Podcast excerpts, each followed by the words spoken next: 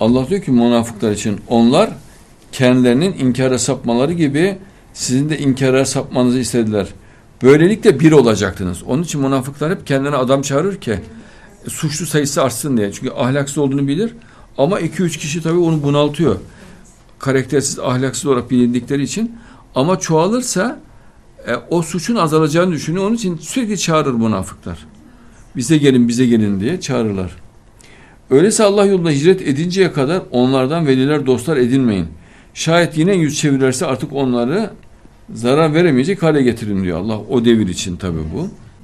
Şeytan da bak göreceksin diyor Allah. Benimle aynı kafadalar diyor. Çağıracağım ve gelecekler diyor. Ve sana itaat etmeyecekler diyor. Münafıklar da öyle. Allah'tan uzak insanlar yetiştirmek istiyor ama Kur'an'la bunu elde etmek istiyor. Yani çok kahpe bir yöntem. Bak münafığa dikkat edin. Müslümanlar sayısının artmasını hiç istemez. Müslümanların birlik olmasını istemez. Darwinizme karşı mücadele etmez.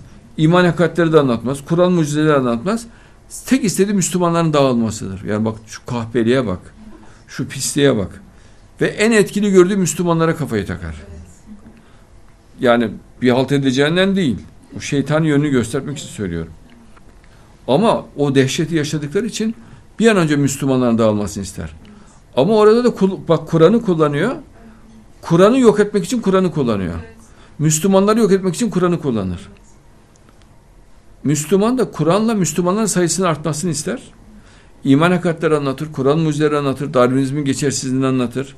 Put inançları ortadan kaldırmaya çalışır ve Müslümanların birlik içinde ve büyük bir topluluk olarak yaşamasını ister. Münafıklar birlikte topluluk halinde yaşamasını istemez Müslümanların. Dağılmasını ister. Hiçbir şekilde topluluk olmasını istemez ve Müslümanların başında da bir baş olmasını asla istemezler. Dağılmasını isterler Müslümanların.